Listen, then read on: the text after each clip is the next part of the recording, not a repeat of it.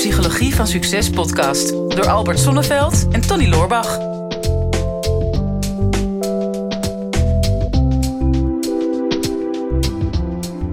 Nou, laten we eens gewoon met een vraag beginnen. Tony, zullen we eens een klein testje doen vandaag? Gewoon Ja. eens mee te beginnen. En je, het is geen HIV-test of zo, dus je hoeft nergens zorgen over te maken. Het zijn, het zijn psychologische vragen. Oh, ik maak me nooit zorgen om testen. Ik vind dat altijd leuk. Ja, De kans nou. om te laten zien eh, hoe, eh, hoe goed ik accelereer en alles eh, waar ik niet voorbereid heb. Nou, eh, want is- woord beste luisteraars en kijkers, het is ook niet voorbereid. Dus eh, Tony, je gaat er volledig blanco in. Alleen al een applausje voor de moed die deze jongen weer toont. Want ja, ja, begin nou, weet toch nooit. beetje, begin nou toch een beetje zenuwachtig te ja, worden. ja oké. Nou, eh, gewoon een aantal vragen en die kun je beantwoorden met ja of nee. Of nou ja, misschien, of misschien op een schaal van 0 tot 10. Dat mag je allemaal zelf weten. Maar zeg je regelmatig sorry in een contact met andere mensen? Ehm, Hij denkt na, dames en heren. volgens mij, nee, zeg ik niet zo vaak. Nee, volgens mij niet. Oké. Ben je vaak bezig met wat anderen van je denken? Ja, dat wel. Ja, oké. nou, Ja. daar kwam er gelijk direct uit. Uh-huh. En eh, heb je de, neig- de neiging om kosten wat kost conflicten te vermijden? Had ik wel heel erg. Ja. De laatste tijd is dit in, in verandering bij mij. Maar, maar ik ben wel heel eh, conflictmijdend geweest altijd. En kom ook uit een hele conflictmijdende familie. Dus zo ben ik ook, zo ben ik ook opgevoed. Dus mijn eerste instantie, mijn eerste reactie was ja geweest. En herken je dat je vaak de behoefte hebt om meer van jezelf te geven dan goed voor je is? Ja, bijvoorbeeld als jij een hele simpele ja-nee vraag stelt, zoals net. dat ik dan misschien een hele podcast al over aan het volpraten ben. Ja. Ja. En, en ben je wel eens eh, bang dat mensen boos op je zijn en maak je jezelf daar dan ook zorgen over daarna? Ja. Ja, oké. Ben je gevoelig voor groepsdruk, Tony? Ja. Oké. En ehm, heb je wel eens de neiging dat je eerder zorgt voor de behoeften van anderen dan die voor jezelf? Waardoor dat je soms ook wel eens een beetje uitgeput bent. Ja, volgens de testen die ik heb gedaan wel. Nou ja, dat betekent toch wel, hè, de meeste vragen heb je toch wel een, met een soort van ja beantwoord, dat je mm, de neiging hebt om een soort van pleaser te zijn, Tony. Herken je Ja. jezelf daarin? Ehm, ja. ja, weet ik eigenlijk niet. Ik denk wel dat ik wel die kant heb. Ja, Ik zou mezelf dat label niet meteen oppakken dat ik heel erg een pleaser ben. nee. Nou, nu ik dat zeg, nee. Nee, dat klopt. Nou, ik- ja, Ja, sorry. ja, ik denk het eigenlijk wel. Ik spreek het niet zo uit, maar ik geloof mezelf niet. Dus ik- het het resoneerde heel anders even. Ja, maar ja, je moet ook niet al die testjes eh, geloven die er op internet circuleren in al die damesbladen en zo. Maar goed, het is wel, ja, het geeft wel iets aan. Ik herken het ook wel. Ik, ik heb bij mezelf ook wel redelijk wat ja's geantwoord op die vragen toen ik hem zelf maakte, dat testje. Mhm. En ik moet je zeggen, ik ben ook wel van de harmonie. Iets meer dan van de fanfare, eerlijk gezegd. Mhm. Ik zat vroeger bij de fanfare. Ja, zie je. Ik ben Ja. van de harmonie. Ben ik niet trots op, maar Nee, nou, maar, Nou ja. het maar ingooien. ik, ik had in het verleden wel de neiging om, eh, om aardig gevonden te worden. En volgens mij is dat ook eh, de titel van deze podcast. Hè. Het gaat over ja, een pleaser, wanneer ben je dat dan? En natuurlijk, zoals Mhm. je gewend bent, iedere luisteraar en kijker van ons... we hebben ook wel weer een aantal goede tips hoe je daar vanaf kunt komen. Ja. Eventueel. Ja, maar het klinkt heel positief, hè? Dat je een pleaser bent. Hè? Dat je het andere mensen naar de zin maakt. Ja. Waarom zou dat dan niet positief zijn? Ja, omdat het dan toch blijkbaar ten koste gaat van jezelf. En dat merk ik wel. Hè. Wat, er wordt ook, ja, ik kan me ook echt wel uitgeput en moe voelen op het moment dat ik slecht mijn grenzen aangeef. En dat ik eh, vooral bezig ben wat zullen andere mensen van me denken. En het inderdaad, de lieve vrede, eh, doe ik vaak wel dan toch concessies. Eh, Mhm. Ik denk, ja, achteraf, maar wat wil ik nu? Eh, ben ik daar nu echt wel blij mee achteraf? Eh, vaak denk ik daar van tevoren niet eens over na. En dan heb ik alweer ja gezegd. Mhm. En denk ik achteraf, "Ah, nou dat is toch niet zo handig. Ik heb hem weer in een of andere moeilijke situatie gebracht. Nou ja, maar kijk, als, je, als het niet ten koste gaat van jezelf. En je vindt het gewoon fijn om het andere mensen naar de zin te maken.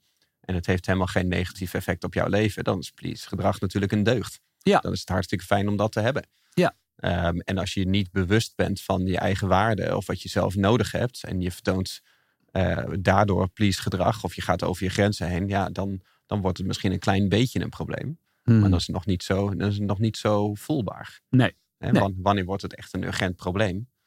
Ehm, ja, zeg het maar. ik had iets in mijn hoofd, dat ben ik nu, dat ben ik nu kwijt. Nou ja, het is, je gaat dan toch stressklachten krijgen. Hè? Dus toch een bepaalde vorm van spanning. Of je blijft erover piekeren. Denk, had ik dat nou moeten doen? En ik, hè, uiteindelijk ga je toch een soort van verongelijkt voelen of jaloers voelen. Hè? Want op mensen die dan wel makkelijk hun grenzen aan kunnen geven. Want dat is wel, denk ik, een makkelijker leven ook. Zeg ja. van ja, tot hier en niet verder. Of uh, sorry, daar heb ik gewoon geen zin in. Ja. ja, het is ook niet altijd eerlijk naar jezelf, heb ik het gevoel, als je pleest. Hè? Tenzij je je totaal niet bewust van bent. Maar vaak um, doe je jezelf wel geweld aan door meer rekening te houden met anderen dan met jezelf. Ja, ja dat, dat, ik weet weer waar ik naartoe wilde. Kijk, dat, dat zou al een tweede stap zijn. Weet je, ja. gewoon mensen het naar de zin maken zonder dat je daar zelf last van hebt. Prima. Mm. Fase 1 van please gedrag, laat het zo noemen. Ja. Tweede zou, zou dit stuk zijn. En je maakt het andere mensen naar de zin, maar daarmee cijfer je jezelf eigenlijk weg. Dus dan doe je jezelf geweld aan. Of je dat nou bewust van bent of niet. Hmm. En maar maar een, een, een, derde stap zou nog zijn, is dat je gewoon letterlijk niet datgene bereikt wat je wil bereiken. Ja. Dus, dus please gedrag kan heel erg natuurlijk komen omdat je bang bent om afgewezen te worden. Ja. En omdat je zo bang bent om afgewezen te worden of niet de goedkeuring te krijgen van anderen, uh, wijs je jezelf al af voordat iemand anders daar de kans toe heeft. Hè? Mm. Of ga je datgene doen waarvan je denkt dat andere mensen dat van je verwachten. Maar heel vaak wordt, werkt dat een beetje averechts. Hè? Dat je, omdat je bang bent om afgewezen te worden, of dat je bang bent om iemand kwijt te raken. Um, en je gaat je daarna gedragen, daardoor raak je juist mensen kwijt. Ja. Ja, want je valt heel erg in een, in een dodelijk gemiddelde als je, als je in een pleaserrol zit. Mm. Dan mensen houden juist van uitgesproken richtinggevende types. En dat zijn ja, een paar uitzonderingen daar gelaten. Dat heeft de geschiedenis ook wel laten zien. Maar, maar ja. ja. Ja, uitgesproken types. Mensen die durven te schuren. Uh, mensen die durven uh, stelling te nemen. Mm. Dat zijn vaak de mensen waar we ons heel erg toe aangetrokken voelen. Ja. Waar we achteraan willen lopen. Uh, en het kan heel veel, vaak zijn dat je dat eigenlijk graag wil bereiken. Je wil dat mensen zich aangetrokken tot je voelen. Maar in plaats van dat je stelling neemt en richting bepaalt, ga je in het please gedrag, ga je datgene zeggen waarvan je denkt dat de ander dat wil horen. En daarmee bereik je juist het tegenovergestelde. Ja, dat gebeurt vaak, hè, omdat het dan toch vanuit een bepaalde angst gebeurt. Mm -hmm. Ik moet even denken aan je opmerking dodelijk gemiddelde. Dat vind ik wel, vind ik wel een, ja, ja, ja, een, een gave realisatie. Ja. ja. Ja, dus wel, wel wonderlijk. Hè? We willen erbij horen op een bepaalde manier. En dan, ja, het is toch spannend toch om, om stelling in te nemen. Waarom, Mhm. mm -hmm. waarom zou dat eigenlijk zijn, denk je? Dat, is dat... Ja, omdat je, omdat je niet afgewezen wil worden. Hè? Dus, ja. uh, ik, ik herken dat heel erg uit... Um, natuurlijk eh, op kantoor met collega's, maar bijvoorbeeld ook in, in, uh, in daten. Ja. Eh, ik heb in mijn leven heel veel eerste dates gehad. Mm. En dan zijn dat dingen die natuurlijk heel erg meespelen. Hè? Als je uh, naar een date uitkijkt of je denkt, van, nou, dit kon wel eens iets zijn, dan komt er toch een beetje een druk op. En dan ga je toch uh, over jezelf nadenken van, nou, hè, hoe wil ik overkomen? Of uh, hoe zorg ik ervoor dat ik leuk gevonden word? Hè? Dat ik niet Mm. afgewezen word of dat... Uh, dat ik een, een, een, positief stempel op mijn hoofd krijg. Ja, dan ga je al een beetje invullen hoe jij denkt dat je moet zijn. Ja. Volgens de ander. Daar zit al dat stukje. Dus hè, als je niet een heel sterk zelfbeeld hebt. Of je hebt een beetje een negatief zelfbeeld. En je bent bang om afgewezen te worden. Dan ga je heel snel schikken naar wat jij denkt dat andermans mening is. Of nou wat je denkt dat je zou moeten zijn. Ja. Um, ja, en dan krijg je van die hele kleurloze gesprekken. Hè? Bijvoorbeeld, uh, ja, wat, wat voor muziek hou je van? Ja, ik vind eigenlijk alles wel leuk. ja, nou, daar is dan geen connectie. Terwijl hè, Nee. als jij zegt, uh, ja, ik hou echt alleen maar van kei en keiharde techno. Hmm. En uh, iets anders kan je me niet voor warm maken. En die andere heeft dat ook. Dan is er een mega connectie. Hè? Dan Hmm. is instant verliefdheid. Ja. Als dat niet zo is, dan kon het misschien een probleem zijn. Maar dat is niet het, het grootste probleem van de wereld, zeg maar. Het zijn juist die dingen die heel uniek zijn aan jou. Waar je verbinding voelt met andere mensen. En het is dat hele oppervlakkige, dat open deuren festijn. Waar je helemaal geen connectie voelt. Ja. Nou ja, dat is denk ik... Um, daar begint vaak wel de, de moeilijkheid. Dat mensen niet echt weten, ja, wie ben ik nou echt? En durf ik daar ook vooruit te komen? Ja. He, want ja, het is ook... Wanneer ga je ontdekken dat je wie je werkelijk bent? Hè? Je ziet ook wel een bepaalde leeftijdsfase. Ik merk nu, hè, want situatie die ik schetste over de pleaser. Ik herken het nog wel, maar absoluut niet meer in de mate zoals ik dat twintig jaar geleden had. -hmm. En toen was ik heel erg aan het meebewegen en het iedereen naar de zin te maken. En man, man, man, ik voelde me gewoon in zo'n Chinees staatscircus waarin ik al die bordjes in de lucht wilde houden voor iedereen. Mm -hmm. En ik dacht dat al die bordjes ook nog Wedgwood waren. Ik vergat dat er af en toe ook een HEMA-bordje tussen zat. Oh ja, mogen vallen. Ja, wat ik gerust kapot kon laten vallen. Mm -hmm. maar uh, nee, nee, ik bleef maar rennen. En nu voel ik wel, misschien ook ja, door leeftijd, maar ook door relativering. En ook vooral zien van ja, weet je, ik ben helemaal oké met mezelf. En ja, ik wijs mezelf niet meer af. Dus ik hoef ook absoluut niet bang te zijn dat anderen me afwijzen. Want daar begint het dan. Mhm. Dus deels is het ook wel een leeftijddingetje, denk ik. Maar het zou natuurlijk wel een zegening zijn als je al op vrij jonge leeftijd eh, ja, bewust bent van het feit dat je een eigen mening mag hebben en dat je daar ook vooruit mag komen.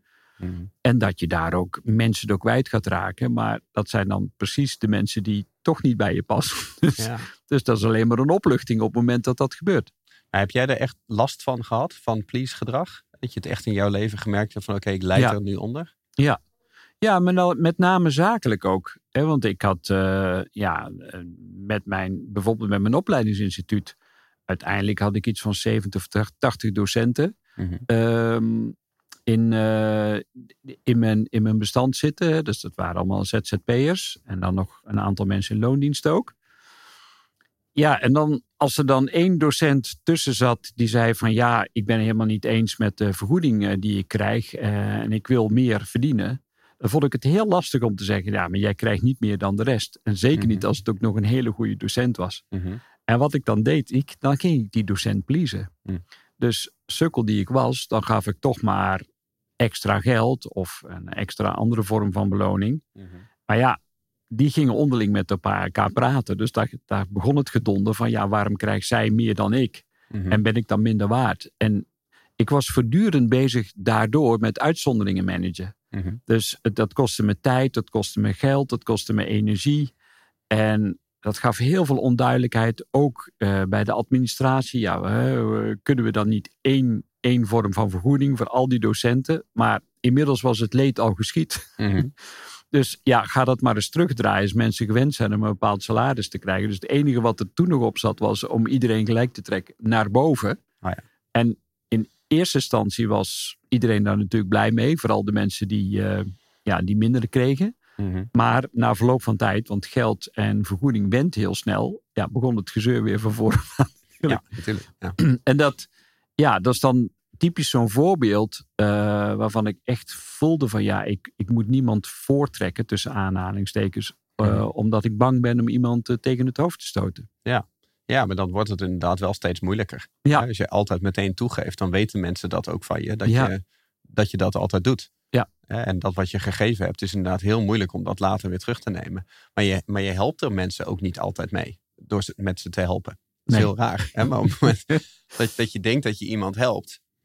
Ja, dan ontneem je vaak iemand de mogelijkheid om zelf tot een inzicht te komen. Of Ja. zelf een bepaalde pijn te voelen. Een bepaalde urgentie te voelen om, om Ja. te moeten veranderen. Of in, in kracht te gaan staan, of in eh, bepaalde creativiteit te ontwikkelen om zelf het probleem op te lossen. En ook trots te krijgen van, goh, ik heb het zelf opgelost. Want als je het iedere keer voor je voeten wegtrekt en zegt, ik zal het wel voor je oplossen hoor, liefje. ja, dan ben je al eh, de sjaak. En, en de ander krijgt nooit de kans en blijft op altijd op een bepaalde manier afhankelijk van je. En daar zit ook wel iets in. Als je pleest, dan creëer je vaak een soort afhankelijkheidssituatie waar je ook weer een soort van voordeel aan hebt. Want er is, Mhm. er is altijd een belang bij om te pleasen. Oh, dat is eh, puur zelfbelang. Anderen pleasen. Ja, ja, uiteindelijk wel. Hè. Dus Of het belang dat anderen bij je blijven, of dat je een situatie creëert waarin anderen afhankelijk van je worden. Eigenlijk is het dus gewoon één grote leugen, leugen wat je dan leeft. Hè, dus gewoon je, je bent anderen aan het pleasen puur en alleen voor je eigen belang. Ja. Je bent anderen aan het mensen, eh, andere mensen aan het helpen. Ja. Waardoor je ze uiteindelijk dus niet helpt. ja, Dus er klopt dan helemaal niks meer van. nee, daar klopt echt niks van. Nee. En daardoor voelt het ook scheef, zowel voor de gever als voor de ontvanger. En natuurlijk kun je heel en ja, altruïstisch zijn, hè, zoals ze dat dan mooi noemen in de psychologie. Van, ja, hè, dat je altijd maar klaar staat voor andere mensen en anderen wil helpen. En dan denk ik, oh ja, zo'n moeder Teresa, zou die nou, zit daar dan geen eigen belang onder? Mhm. En ja, ik heb daar veel over nagedacht. Ik denk van ja, maar is er zoiets als onvoorwaardelijke liefde? Hè? Mhm. Kun je echt liefde geven zonder voorwaarden? Of zit er toch altijd, is er iets transactioneels? Wil je toch wel weer iets terugkrijgen op een bepaalde manier? Ja, misschien niet meteen, maar je bent wel aan het zaaien. Ja, op allerlei manieren. Ja, precies. Ja, in, ja, in de liefde, ja. ja. Ja, en dat, ja, dat, dat is altijd een hele interessante. Hè? Ik, ik, ik merk wel, ik vind het leuk om te geven. En ik merk wel in relaties. En, en dat is altijd weer natuurlijk dat, dat grijze gebied tussen wanneer ben je een pleaser en wanneer vind je het leuk om te geven. Mhm. Ik merk wel, wil ik een relatie in stand houden, dan is de relaties die het langste stand houden, is wel de relaties waar je bereid bent om meer te geven dan terug te vragen. Mhm. Eh, en als de ander dat dan ook doet, met diezelfde bereidheid, van goh, ik, ik vind het gewoon heel leuk om jou te ondersteunen in deze relatie, of dat nou een werkrelatie of een liefdesrelatie is. Ja, dat zijn wel de duurzame relaties. Hè? Want Ja. op het moment dat je meer komt halen dan dat je brengt, eh, ja, dan gaat het op termijn gaat het wel scheef lopen ook. Ja, maar dan, maar dan moet het er wel allebei tegelijkertijd zijn. Ja. Dus hè, als jij bereid bent om meer te geven dan dat je komt halen. En de ander heeft dat niet. Of heeft het wel, maar vindt daar geen ruimte voor bij jou. Dan is het niet in, dat is dan niet in balans. Nee. Hè, want natuurlijk, we kunnen het hebben over mensen die please gedrag hebben. En die zelf merken van nou, ik zou er wel graag vanaf eh, willen. Maar het feit dat je een pleaser bent, dat doe je omdat het jou heel veel brengt. Hè, dat je er een fijn gevoel van krijgt Ja. om andere mensen te helpen. Maar daarmee kan je ook andere mensen die kans ontnemen. Want Ja. andere mensen vinden het ook fijn om, om iets voor jou te doen. Hmm. Hè, door mensen altijd maar te helpen en alle problemen weg te halen en alle verantwoordelijkheid te pakken. Ook al zit er iets onder, zoals jij zegt, dat je mensen afhankelijk van jou wil maken. Ja, linksom of rechtsom, het resultaat blijft hetzelfde voor de ontvangende partij. Dat ze ook wel iets willen geven of iets willen doen of willen ontwikkelen, Ja. maar dat ze daar de kans niet voor krijgen. Ja. Eh, en of ze dat nou bewust van zijn of niet, ze zullen daar wel een bepaald ongemak bij voelen. Ja, dat is wel, dat herken ik ook wel hoor. Ik ben een betere gever dan een ontvanger. Dus wel- ik zou ook niet zo goed werken bij de Belastingdienst volgens mij. Maar ja, ik, ja, ik, ja, on- ontvangen vind ik wel lastig ook. Mhm. Ehm, en dan is het inderdaad ook weer zo'n neiging om dan maar als eerste snel eh, hulp te bieden of klaar te staan. En, eh, dus, dus ja, een van de oplossingen bij een, een, een pleaser eh, is dan ook van kun je oefenen in het ontvangen? Mhm. kun je oefenen om, eh, nou, als iemand zegt, goh, ik wil jou graag eh, eh, iets aanbieden in welke vorm dan ook. Mhm. Eh, en dan zeg ik, nee, dat hoeft niet. Of eh, nee, laat maar zitten. Om, om in dat geval dan al eens een keer te zeggen van, ja, dat is eigenlijk wel heel, heel lekker om dat te ontvangen. Ja, waarom niet? Ja. Bijvoorbeeld. Ja, en, en te kijken, wat is het dan bij jou precies waardoor eh, je dat in eerste instantie niet deed? Hè, want het kan in hele kleine dingen zien. Ik zie dat bijvoorbeeld bij mezelf eh, eh, in de keuken. Hè, als eh, bijvoorbeeld Elvira en ik de keuken ingaan om een soort van samen te koken. Ja. Ehm, ja, ik ben, ik ben nogal een control freak en dingen gaan best wel snel op mijn manier. en het begint natuurlijk heel gezellig. Hè? Dan gaan we Hmm. samen pannenkoeken bakken. Maar ja, ik heb echt een, een pannenkoeken fliptechniek. Daar word je bang van. Ja. Dat, dat, is- dat is de perfectie, zeg maar. ja, ik ben benieuwd hoe jouw plafond eruit ziet. Maar goed, Ja, dat, daarom is het zo goed. Dat is Ja. helemaal, helemaal clean. Dus ik doe dat, dan, dan ontstaat dat samen. En dan doe ik dat een paar keer voor. Waardoor al heel snel ik zoiets heb van, laat, laat mij dit maar doen. ja, Hè? zeker. Of eh, Ja. als wij eh pastaatjes staan te koken. Ja. Ja, oké, dit is een beetje overdreven. Maar ik heb dingen graag netjes. Mm. Ook in de pan. dus ik heb mijn pastaatje dan mooi glad gestreken in de pan liggen. Nee, meen je niet. En dan komt Elvira de keuken in en die roert er dan drie keer in. Nee. Maar daarna is het dan niet meer glad. Nee, dat Ja, kan dat niet. irriteert mij dan. Ja. Dus ik ga het dan weer glad, Misschien moeten we nog een, eh, een podcast opnemen over autisme, Tony. Eh, ja, dus er zou een klein beetje een autistische inslag kunnen hebben. Enigszins. Nou ja, het is geen probleem, want zij vindt het allemaal hartstikke grappig om dat te zien. Hè? Hoe Ja. ik ook mijn, mijn, mijn stampotje aan het glad strijken ben voordat ik daar een hoekje uit ga snijden, zeg Ja, maar. Dus ja. het is allemaal heel grappig. Alleen er zit wel iets onder. Eh, dat het resultaat is op een gegeven moment dat ik steeds in mijn eentje in de keuken sta. Want Hm. je mag niet meer helpen, zeg maar. Hè? Dan heb ik zoiets van, ik doe het wel. Ja. Ehm, vanuit misschien wel een please gedrag of de behoefte om haar te helpen. Maar misschien zit er ook wel een soort van controledrang onder. Misschien wel. Misschien wel Enigszins Misschien lichtjes. wel niet, misschien wel niet misschien. Ja. Eh, maar misschien inderdaad ook nog wel iets anders. Hè, om iemand eh, afhankelijk van je te maken. Ehm, en ik denk dat je dat in heel veel situaties wel hebt. Ik had een tijdje geleden ehm, eh, had ik die eh, persoonlijkheidstest gedaan, eh 16personalities.com. Ja. Eh, dat is dat op MBTI gebaseerd. Ja, ja. Eh, en er kwam bij mij nu eh, een iets andere eh, rol uit dan dat ik voorheen had. De Hmm. logistician kwam bij mij uit. En daar stond ook een stukje in van je hebt een heel hoog verantwoordelijkheidsgevoel. En dat verantwoordelijkheidsgevoel dat gaat, gaat zo ver dat je je wil alles voor iedereen creëren. Mhm. Zodra je iemand een fout ziet maken of bang bent dat iemand een fout gaat maken, dan breng je alles in het werk om diegene ervan te behoeden om een fout te maken. Ja. En mocht je te laat zijn en je ziet dat iemand een fout heeft gemaakt, dan neem jij de schuld op je. Hè, Mhm. om iemand maar te zeggen: van, het was niet jouw schuld, jij hoeft hier niet van te leren, het was mijn schuld, ik ga wel met die ontwikkeling aan de slag. Nou, dat is dan onder de mantel der liefde van verantwoordelijkheidsgevoel en mensen willen helpen.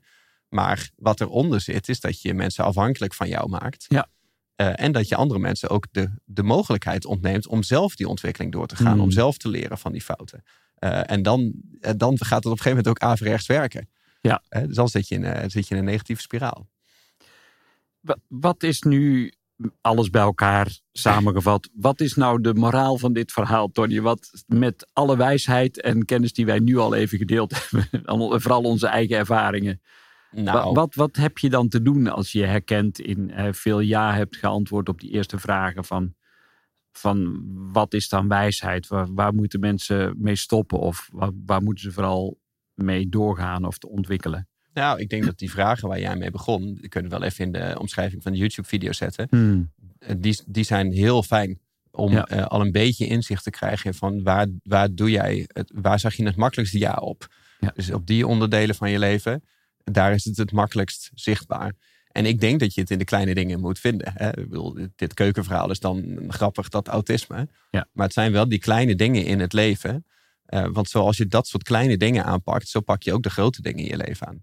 Eh, en misschien is het wel goed om, eh, om naar die vragen te kijken. En te zien van nou, welke alledaagse dingen komt dat op terug? Ja. Of ehm, eh, nou, misschien is dat, dat iets moois voor, voor onze rubriek de groeigeluk. Ja. Om, om eens een dagboek bij te houden. En gewoon eens aan het einde van de dag op te schrijven van welke situaties vandaag eh, heb ik please gedrag vertoond.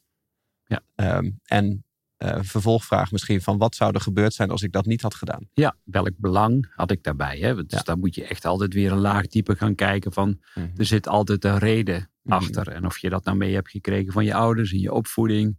Mhm. Of dat je dat langzaam maar zeker bent gaan ontwikkelen. Of je bent er uitvoerig op beloond. Of je hebt Mhm. jezelf te veel op beloond.